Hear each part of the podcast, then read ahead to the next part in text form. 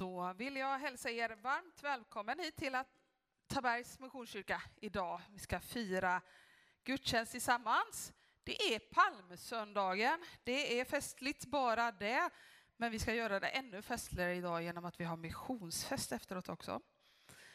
Ja, vi närmar oss med stormsteg påskhögtiden och vi går med Jesus tillsammans in emot Jerusalem. Och vi kommer fira nattvard tillsammans idag. Vi är ju alla med i den här gudstjänsten. Vi kommer med olika förväntningar och har kanske olika roller. Här framifrån kommer vi få se Ingrid och Rolf Gabrielsson som ska spela och sjunga för oss. Stefan Josefsson leder oss i den gemensamma sången. Karl Leander och Pia Nordén kommer läsa bibelord och Karl kommer återkomma tillsammans med Åsa Timarsson och ansvara för söndagsmötes happening. Och jag som leder och predikar och leder nattvarden heter Ulrika Johansson. Vi betjänas av några nattvardstjänare. Vid ljud och bild har vi Thomas Zetterman och Helena Altgärde. Och ni har ju redan blivit väl mottagna av våra mötesvärdar och basgrupp 10 hjälper till så att det blir extra festligt kring tårtbuffén på missionsfesten som Missionsrådet har planerat som vi idag har efteråt. Alltså som ni märker, alltså gudstjänst, det, det, även om ni kanske mycket kommer se mig här så är, ju, är vi ju många som gör det tillsammans. Och även du som känner dig, ja men jag sitter ju bara här i bänken.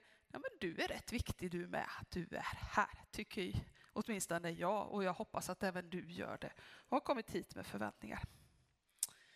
Men låt oss också be för gudstjänsten så vi inte glömmer bort att eh, det här är någonting som vi gör också tillsammans med Jesus. Ja, Jesus, nu kommer vi inför dig och vi hoppas att vi får möta dig här och nu. Se till oss var och en. Se vad vi behöver i den här stunden. Kom och möt oss. Möt vår längtan och, och våra behov. Vi lägger nu gudstjänsten i dina händer. Amen. Och vi ska sjunga tillsammans i salmer och sånger nummer 487, 487. En Hosianna Davidsson, kanske inte den vanligaste varianten, men vi tyckte den här var fin. Och vill du och kan så får du jättegärna stå upp när vi sjunger den här sången. Texten kommer också på väggen.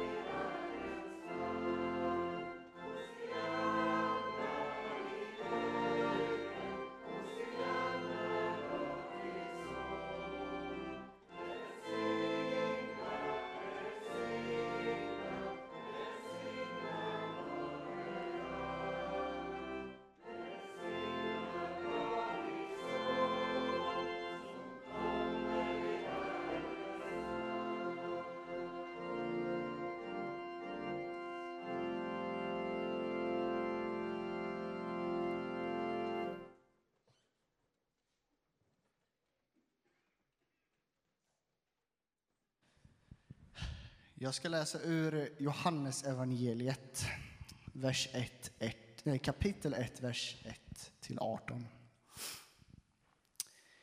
I begynnelsen var ordet, och ordet var hos Gud, och ordet var Gud. Han var i begynnelsen hos Gud. Allt blev till genom honom, och utan honom blev ingenting till av det som är till. I honom var liv, och livet var människornas ljus. Och ljuset lyser i mörkret, och mörkret har inte övervunnit det. Det kom en man, sänd av Gud. Hans namn var Johannes. Han kom som ett vittne för att vittna om ljuset, för att alla som skulle komma till tro genom honom. Själv var han inte ljuset, men han kom för att vittna om ljuset. Det sanna ljuset som ger ljus åt alla människor skulle nu komma in i världen. Han var i världen och världen hade blivit till genom honom, men världen kände honom inte. Han kom till det som var hans eget, och hans egna tog inte emot honom. Men åt alla som tog emot honom gav han rätten att bli Guds barn, åt dem som tror på hans namn. De är inte födda av blod eller av köttets vilja eller av någon mans vilja, utan av Gud. Och ordet blev kött och bodde bland oss, och vi såg hans härlighet, den härlighet som en, den enfödde ha, har från Fadern. Och han var full av nåd och sanning. Johannes vittnar om honom och ropar. Det var om honom jag sa, han som kommer efter mig är före mig, för han var till före mig. Av hans fullhet har vi alla fått nåd och åter nåd. Lagen gavs genom Mose, nåden och sanningen kom genom Jesus Kristus. Ingen har någonsin sett Gud. Den enfödde, som själv är Gud och i Faderns famn, han har gjort honom känd.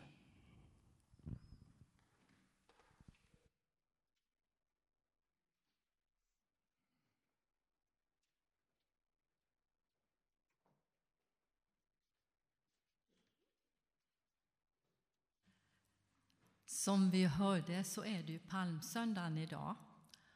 Och det är ju den dag då Jesus red in i Jerusalem på en åsna. Och folket hyllade honom på olika sätt. Eh, den här sången jag ska sjunga den heter Hosianna. Och jag har sjungit den förut här. Och här är det åsnan som berättar om händelsen från sitt perspektiv, där hon är medelpunkten. Det är kanske en tankeställare för oss att vi inte ska vara så upptagna av oss själva.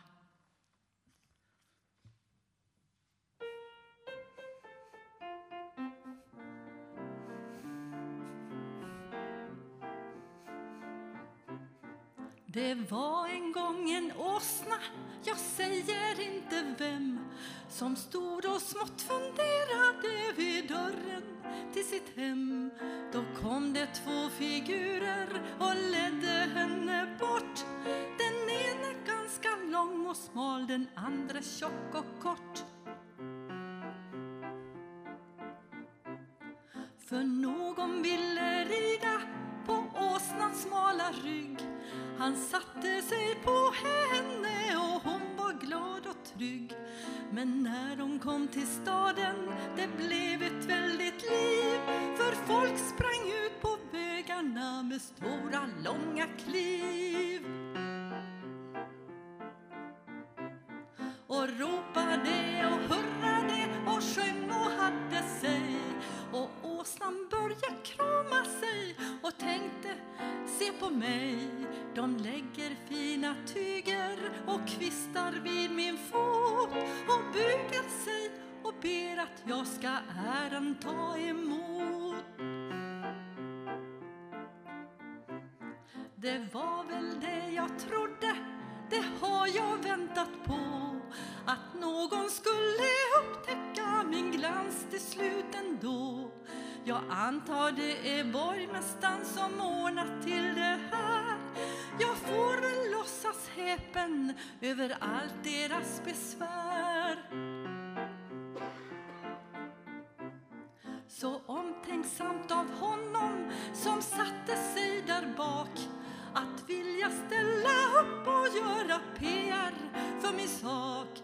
Det var en gång en åsna, jag säger inte vem som trött och lycklig återvände sedan till sitt hem.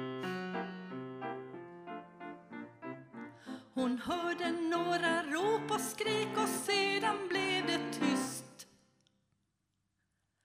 Det var om någon förbrytare som Judas hade kysst. Men åsnan ställde sig och sov med huvudet på sned. För hon var trött, det blir man när man just har gjort succé.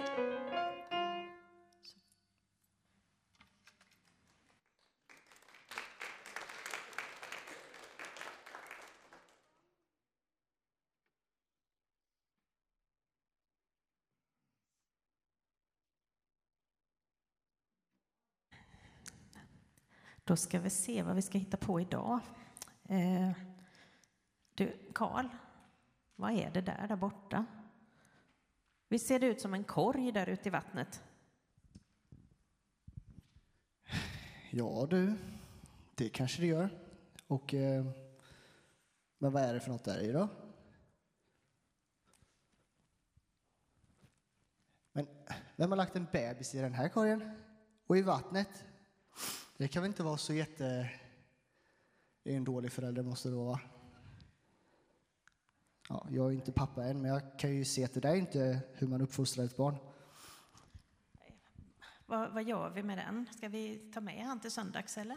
Ehm, Ja, men det får vi väl göra. Någon måste ju ta hand om barnet. Ehm, Är det någon som vet vem det är som ligger i korgen? Är det någon som har lagt han här? Arvid. Mose. Ja. Ja, det är Mose.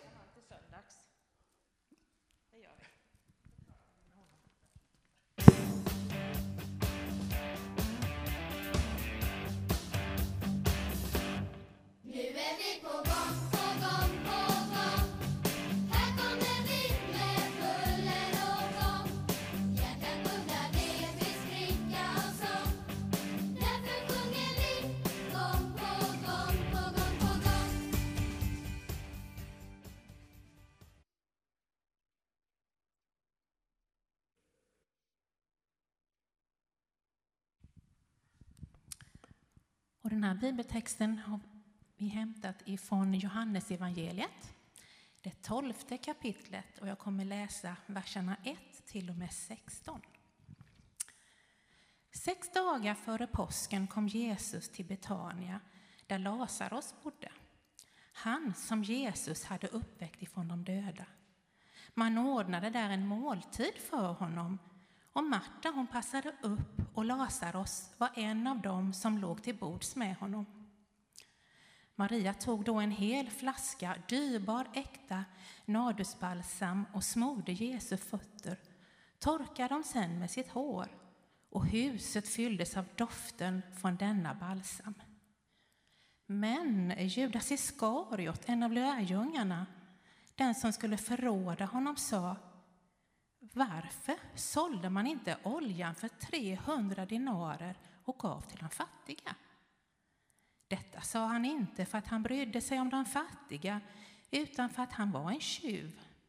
Han hade ju hand om kassan och tog av det som lades dit. Men Jesus sa, låt henne vara, hon har sparat sin balsam till min begravningsdag. De fattiga har ni alltid bland er, men mig har ni inte alltid. En stor mängd judar fick reda på att Jesus var där och de kom dit inte bara för att han skulle inte bara för hans skull utan också för att få se Lazarus som han hade upptäckt från de döda. Översteprästerna bestämde sig då för att döda Lazarus också eftersom så många judar för hans skull gick ifrån dem och trodde på Jesus. Nästa dag när de, när de många som hade kommit till högtiden fick höra att Jesus var på väg till Jerusalem tog de palmkvistar och gick ut för att möta honom och de ropade Hosianna, välsignade han som kommer i Herrens namn, han som är Israels konung. Jesus fick tag i en åsna, satte sig upp på den, som det står skrivet. Frukta inte, dotter Sion, se din konung kommer sittande på en ung åsna. Lärjungarna förstod först inte detta, men när Jesus hade förhärligats kom de ihåg att som det stod skrivet om honom, så hade man gjort med honom.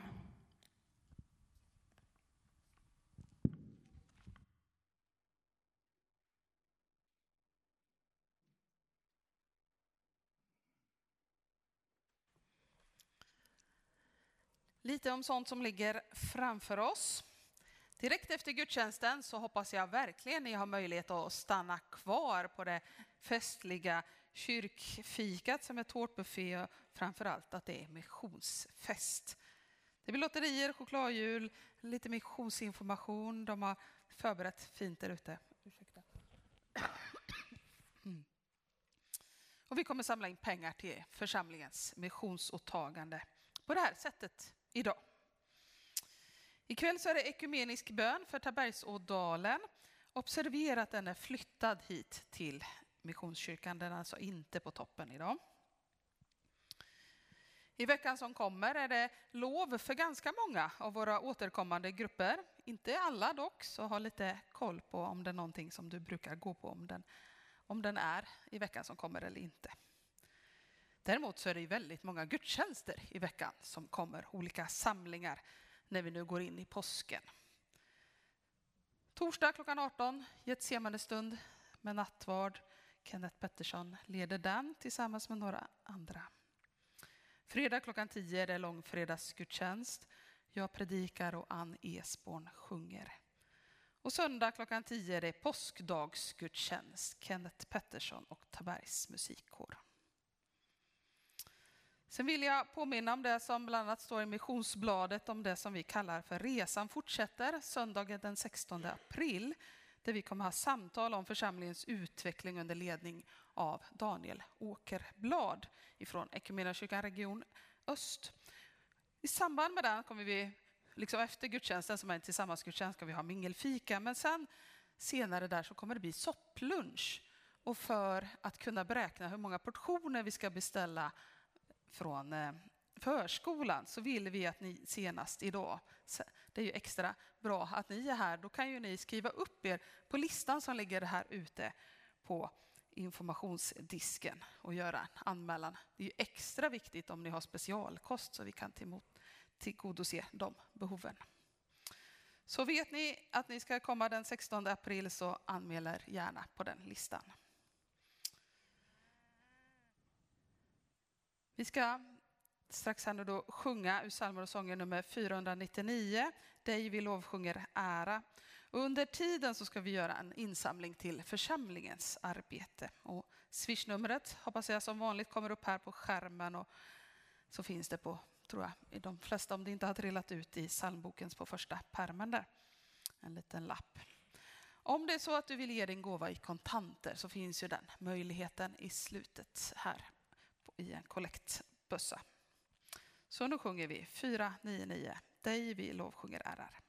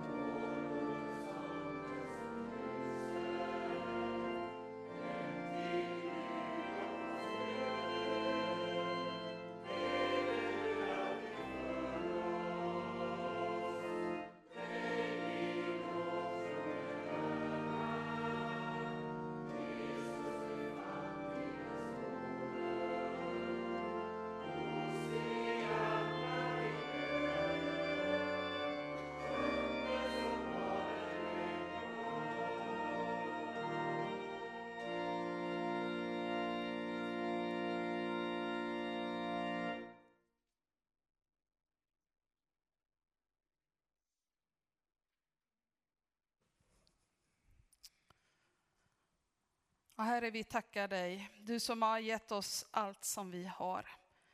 Nu ber vi för de pengar som vi ger till dig på olika sätt.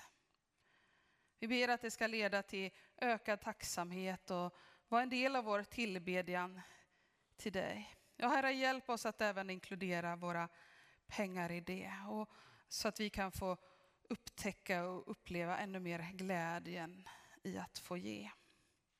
Herre, gör oss till glada givare och, och gör oss generösa på samma sätt som du är generös.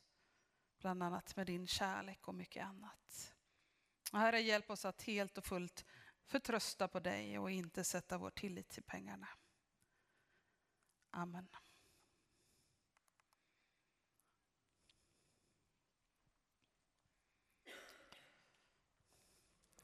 Den här påsken som ligger framför oss nu så ska vi tillsammans med Johannes evangeliet gå vägen fram till korset. Och vi ska liksom följa efter vad som, som händer där i evangeliet.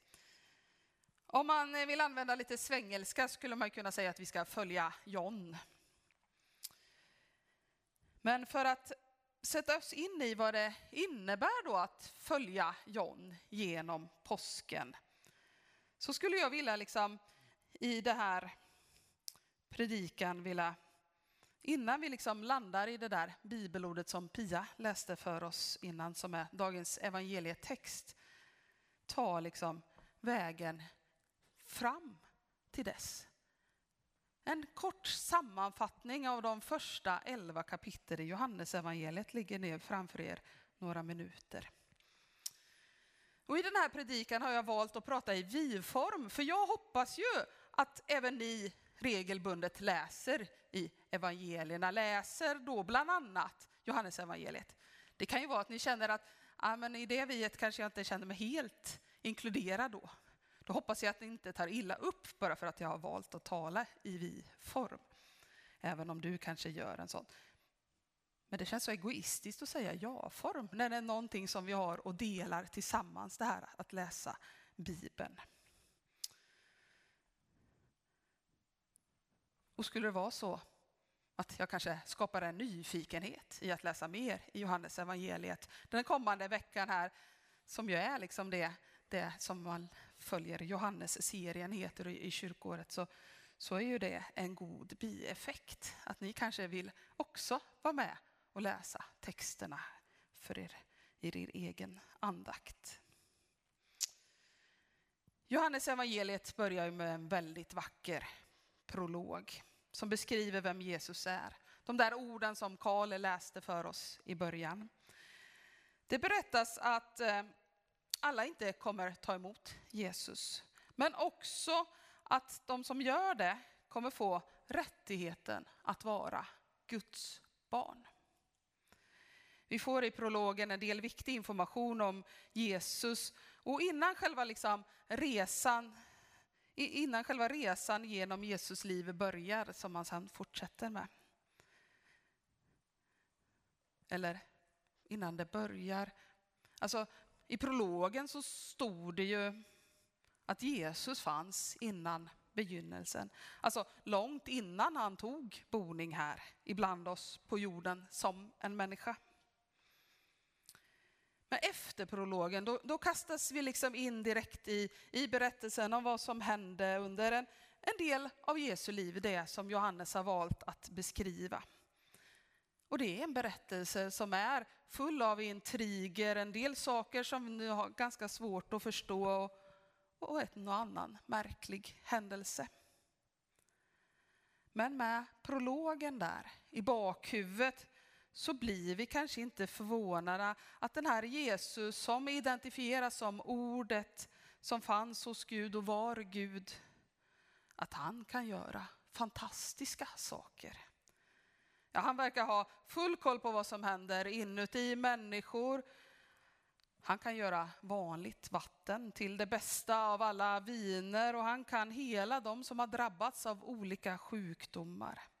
Han kan förvandla några bröd och fiskar till en massa, så att det räcker till en massa människor och ja, till och med uppväcka en kär vän ifrån döden. Vi blir kanske inte heller förvånade över att vår hjälte talar lite konstigt på ett sätt som liksom, de som lyssnade då inte riktigt verkar fatta och när vi läser det och försöker förstå det idag så kanske vi också rätt så lätt blir lite bortkollrade. För hans ord är både förbryllade och tvetydiga och provokativa till och från. Kanske lider vi med Nikodemus när han är jätteförvirrad när han pratar med Jesus i ett nattligt samtal som vi kan läsa om i kapitel 3 i Johannes. Och en och annan av oss kanske tänker att Jesus tar i från tårna i sina utmanande jag är-ord när Jesus påstår att han är bland annat är livets bröd, världens ljus, uppståndelsen och livet. För att inte nämna alla som idag har, som har väldigt svårt med att Jesus senare också sa att jag är vägen, sanningen och livet. Ingen kommer till Fadern utom, utan genom mig. Ja, lite känns det som det, det hänger liksom en tät dimma och mystik kring vår hjälte Jesus. Och det är kanske lite svårt att greppa och förstå allt. Men allt det här gör ju att vi kanske inte samtidigt blir så förvånade när vi läser att, det, att han liksom upprör en massa känslor. Att det blir motsättningar. Nej, det kanske inte är så mycket som överhuvudtaget förvånar oss. Vi förväntar oss nästan det oförväntade. För vi som läser Johannes känner ju ändå till Guds natur i Jesus. Men vi förstår nog samtidigt att, att det som Jesus säger och, och gör, att det möts med blandade reaktioner och att, att man blir oen, oeniga om hur man ska se på honom. Vi fattar att Jesus ställer till problem för och utmanar de religiösa ledarna, fariseerna med flera. Han visar, enligt Johannes, till exempelvis ganska lite respekt för sabbaten. Han pratar familjärt om Gud och han pratar med och tar utstötta kvinnors parti. Det blir oordning i templet när han undervisar och, och dessutom så rensar han ut månglarna ur templet och påstår att om templet skulle rivas så skulle han låta det uppstå på tre dagar. Han talade konstigt om att äta hans kött och dricka hans blod, vilket verkligen rörde upp känslorna. Och vi får reda på att det talas flera gånger om att stena honom, döda honom. Ja, ryktet sprids om honom. Den når många, inte minst på grund av den där händelsen som vi kan läsa om i kapitel 11, när Jesus uppväcker Lazarus från de döda efter att han har legat död i en klippt grav i flera dagar. Men jag tror också att när vi läser så blir vi lätt fascinerade över allt det där som Jesus kan göra. Det är ju inte vem som helst som kan gå på vatten, i alla fall inte i icke frusen form. Men vi förstår nog att alla kanske inte har så lätt för honom, att han rör upp känslor och vi minns kanske då vad som stod i prologen om att alla inte kommer ta emot honom. Men att döda honom, är inte det att gå lite för långt? Skulle verkligen rådet gå vidare med sina planer och döda honom? Vi förstår Jesus när det i kapitel 11 berättas om att han drog sig undan. Men vi känner samtidigt på oss att det där oinvikliga, det kommer smygande allt närmare. Så är vi då framme, strax innan påskhögtiden, troligtvis lördagskvällen innan palmsöndagen. Jesus var då på nytt hemma hos eh, Marta, Maria och Lazarus, han som alltså nyss var död och vars uppväckande väckt stor uppståndelse. Medan Jesus och Lazarus och några andra ligger till bords och äter så passar Marta upp på dem. Då tar Maria fram en flaska med dyrbar och välluktande balsam och smörjer Jesu fötter. Kassören Judas går upp i trasorna och blir helt sur på honom. För vi pratar om 300 gram av den här dyrbara balsamet. Ett värde av 300 denarer. Och det var riktigt mycket pengar. Vi pratar om en årslön. Men Jesus, han blir inte sur på Maria, utan han tar tacksamt emot den gåva som hon, kommer med inför honom.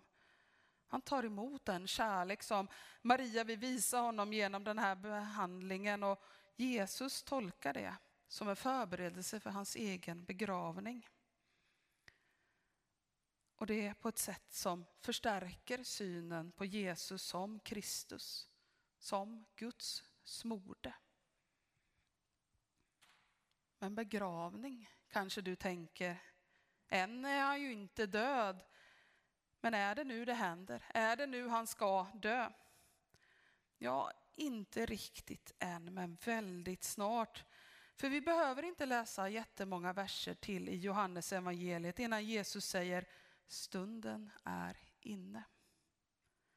Och den trogna läsaren och Johannes kan minnas att Jesus vid flera gånger innan i evangeliet har nämnt och sagt att stunden eller tiden är ännu inte inne. Men nu är den alltså det. Eller i, i alla fall väldigt snart. Så nu händer alltså. Nu händer det där som vi har förstått länge när vi läser i Johannes, att det är det här som är på gång. Den oundvikliga tragedin för vår hjälte är nu nära föregående och vår berättelse är framme vid en viktig vändpunkt. Jesus börjar sin väg mot korset. Vi förstår kanske inte varför han går den. Själv hade jag säkert försökt smita undan. Men jag är väldigt tacksam för att Jesus inte gjorde det. För att han valde att gå hela vägen. Och jag hoppas att du också delar den tacksamheten med mig. Och hur tragiskt det än verkar vara, det som nu är på gång att det ska hända, så är det samtidigt en viktig händelse. Och det är också en viktig del, hur jobbigt det än kan kännas, så är det en viktig del av det glada budskapet som evangeliet bär på.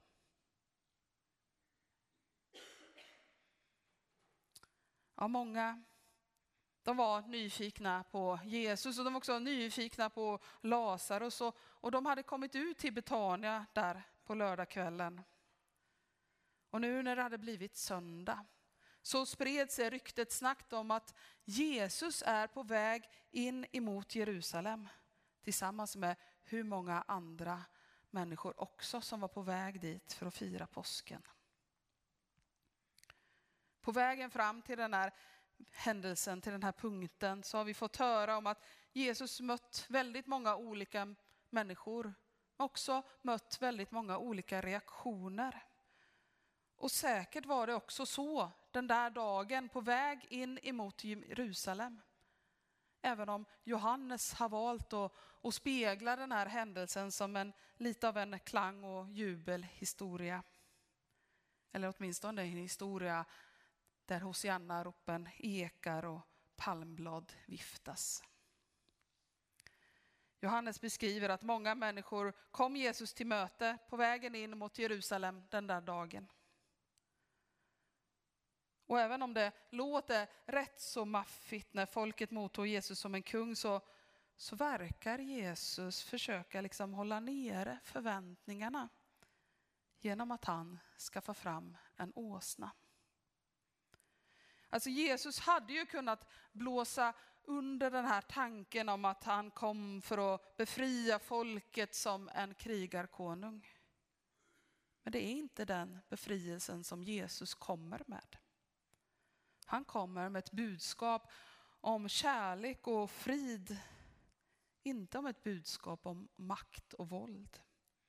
Jesus kom med Guds rike, ett rike som inte har som främsta uppgift att befria folket från romarna, utan för att sprida kärlek och befria folket ifrån syndernas välde och ondskans makt.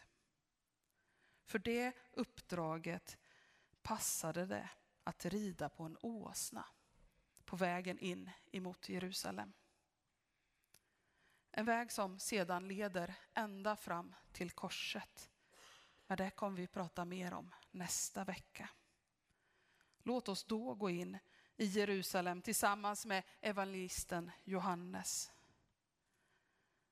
För när vi väljer att följa John, även de sista kapitlerna till slutet, så kommer vi se ännu mer om vad som hände när stunden snart är inne. Och då kommer vi få att se att det som skulle kunna verka som ett tragiskt slut bara är början på något nytt. Amen.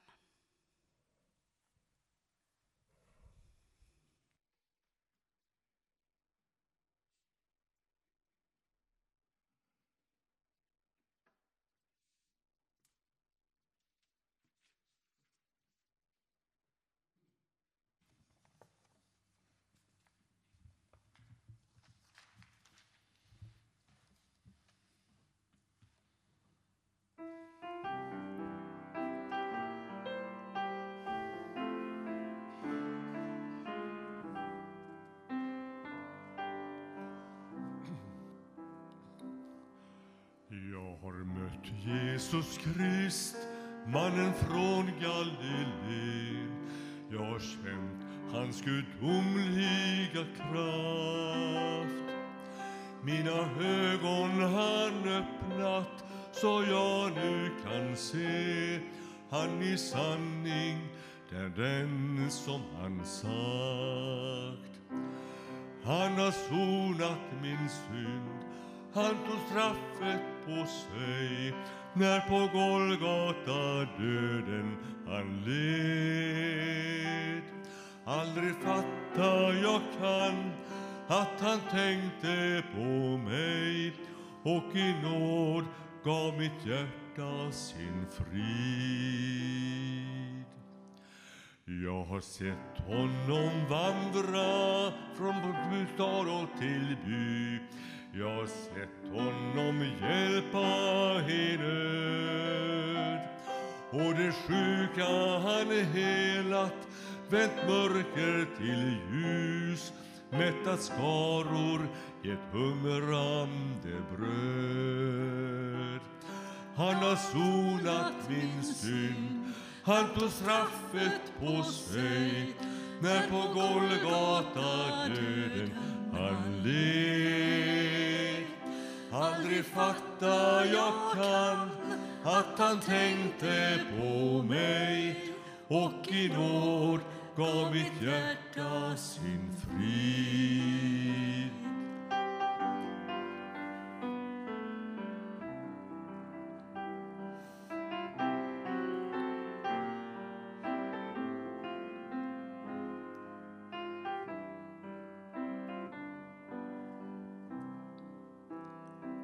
Som en brottsling han spikades upp på ett kors. Som ett lamm blev han offrad för oss. Men från döden han uppstod och lever idag. Jag har mött honom nu även jag. Han har sonat min synd han tog straffet på sig när på Golgata döden han led. Aldrig fatta jag kan att han tänkte på mig och i nåd gav mitt hjärta sin frid.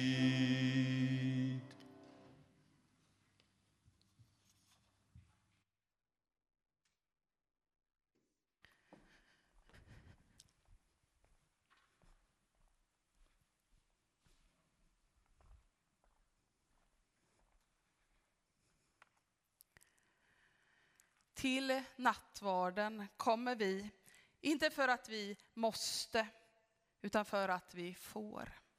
Inte för att vi är felfria, utan för att vi är älskade. Inte för att vi är färdiga, utan för att vi söker. Ja, vi kommer för att vi behöver gemenskap med varandra och med Gud. Jesus Kristus är mitt ibland oss och han bjuder oss på nytt till den heliga nattvarden.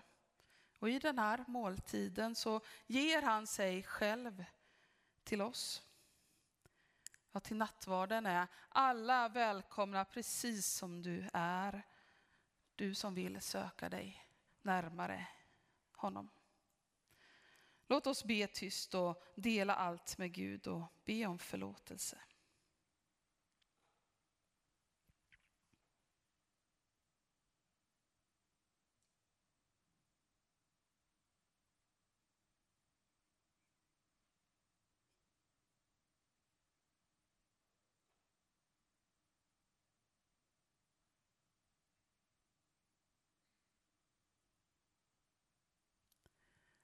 Till dig som ber om förlåtelse säger jag på Jesu Kristi uppdrag i Faderns och Sonens och den helige Andes namn.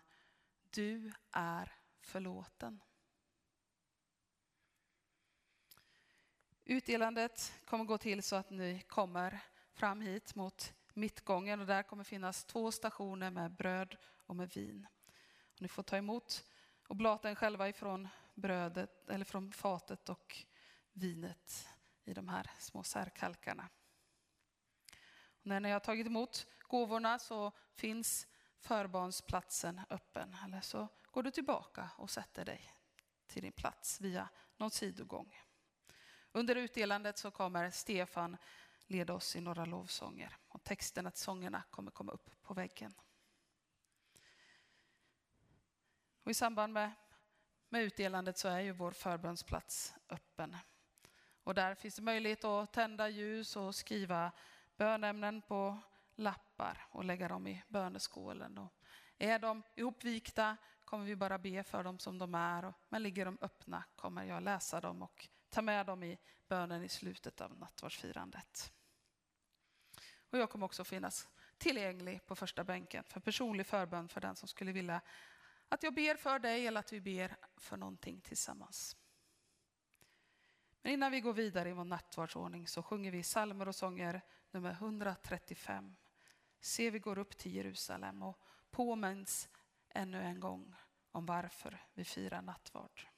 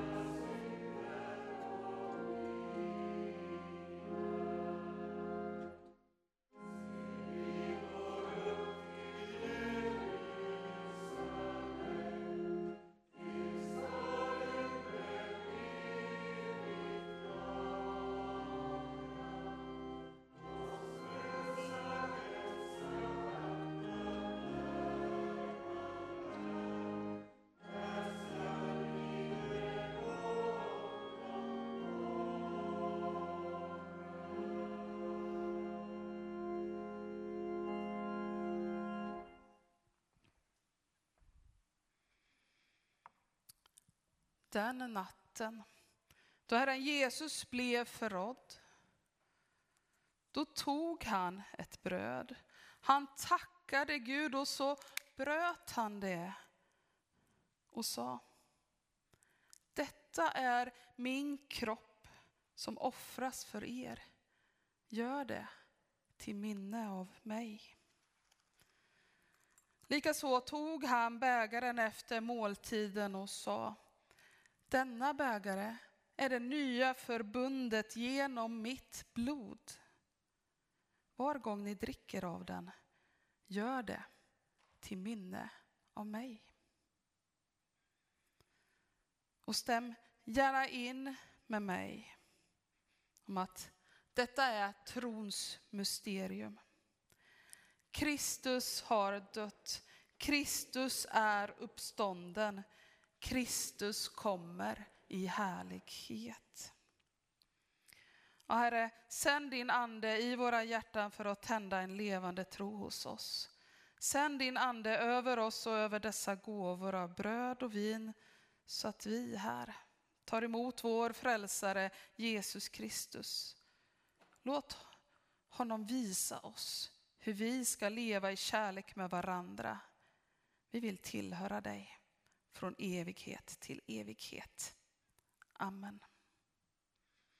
Och så ber vi tillsammans med hela den världsvida kyrkan den bön som Jesus själv har lärt oss att be. Vår Fader, du som är i himlen. Låt ditt namn bli helgat. Låt ditt rike komma. Låt din vilja ske på jorden så som i himlen. Ge oss idag det bröd vi behöver och förlåt oss våra skulder liksom vi har förlåtit dem som står i skuld till oss. Och utsätt oss inte för prövning utan rädda oss från det onda. Ditt är riket, din är makten och äran i evighet. Amen. Jag vill välkomna fram nattvardstjänaren och så ska vi dela gåvorna bland oss först innan ni sedan välkomnas fram.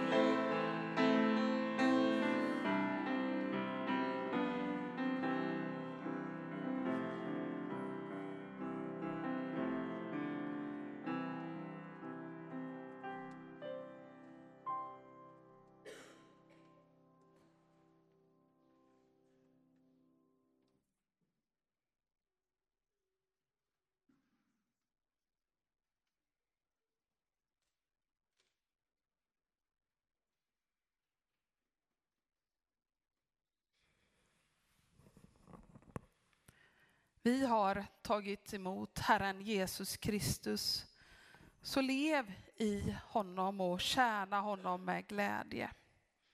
Han ska bevara oss till evigt liv.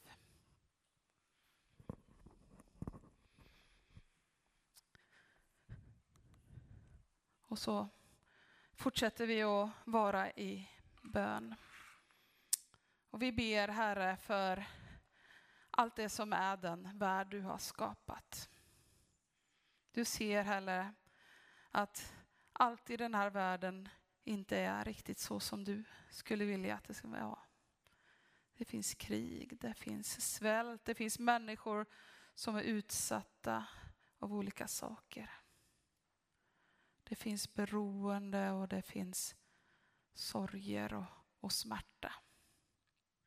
Herre, vi ber att, att du ska komma in med din kärlek och din försonande kraft än mer i den här världen. Att vi människor ska vända sig till dig och inte vända sig mot oss och varandra. Herre, kom och gör den här världen lite mer hel. Lite mer som du hade tänkt när du skapade den. Herre, så vill vi också i bön lyfta upp de missionsåtaganden vi har i den här församlingen. Herre, du ser allt det goda som familjen Hermansson gör i Ecuador. Välsigna det och, och ta vara på dem. Ge dem kraft och styrka och, och goda idéer inför det de står i just nu. Herre, så ser du Lisbeth Frisells arbete i Papua Nya Guinea med bibelöversättning och spridandet av evangeliet på lokala språk. Herre, du vet vad hon behöver just nu. Kom och möt henne i det. Hjälp henne att hitta vägar och också goda ordval i översättningen. Herre, så ser du allt gott som Samhjälp gör. Du ser alla människor de kan hjälpa i Östeuropa. Herre, du ser all den hjälp som når in i Ukraina. Herre, du ser också vad de skapar här på hemmaplan när de engagerar många volontärer och, och den arbetsgemenskap det är med och skapar. Herre, välsigna dem. Låt dem känna att den tid som de ger är någonting som ger någonting tillbaka. Herre, så ser du vår vänförsamling i, i Malmberget och Gällivare.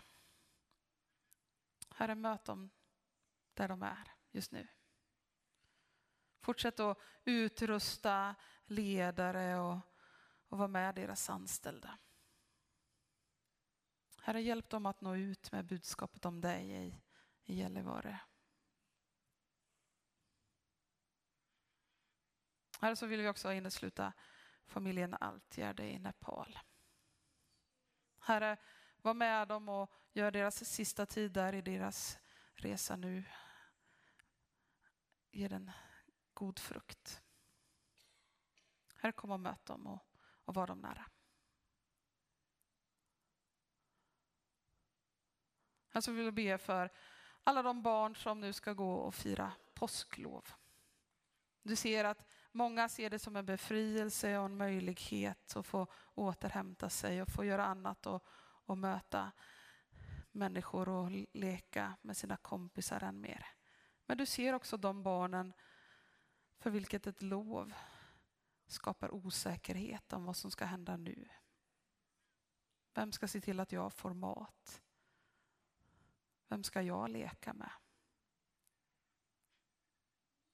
De där barnen som, som tycker att gå till skolan är en bättre vardag än att vara ledig.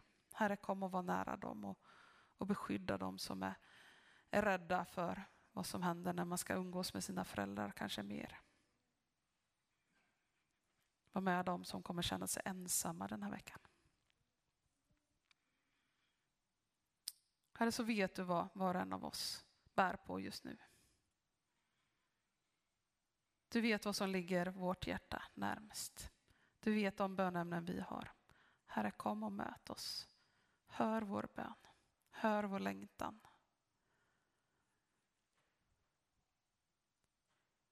Tack Jesus att vi får be till dig.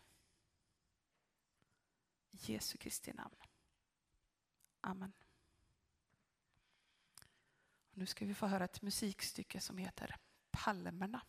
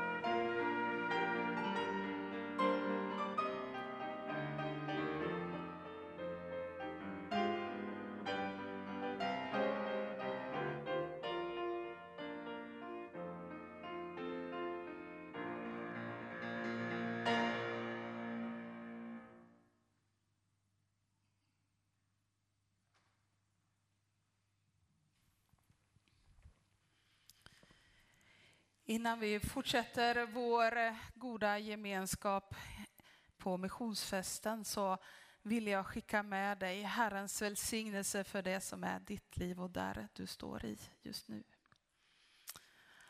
Herren välsignar dig och beskyddar dig. Herren låter sitt ansikte lysa mot dig och visar dig nåd. Herren vänder sitt ansikte till dig och ger dig och sin fred och sin frid. I Faderns och Sonens och den helige Andes namn. Amen.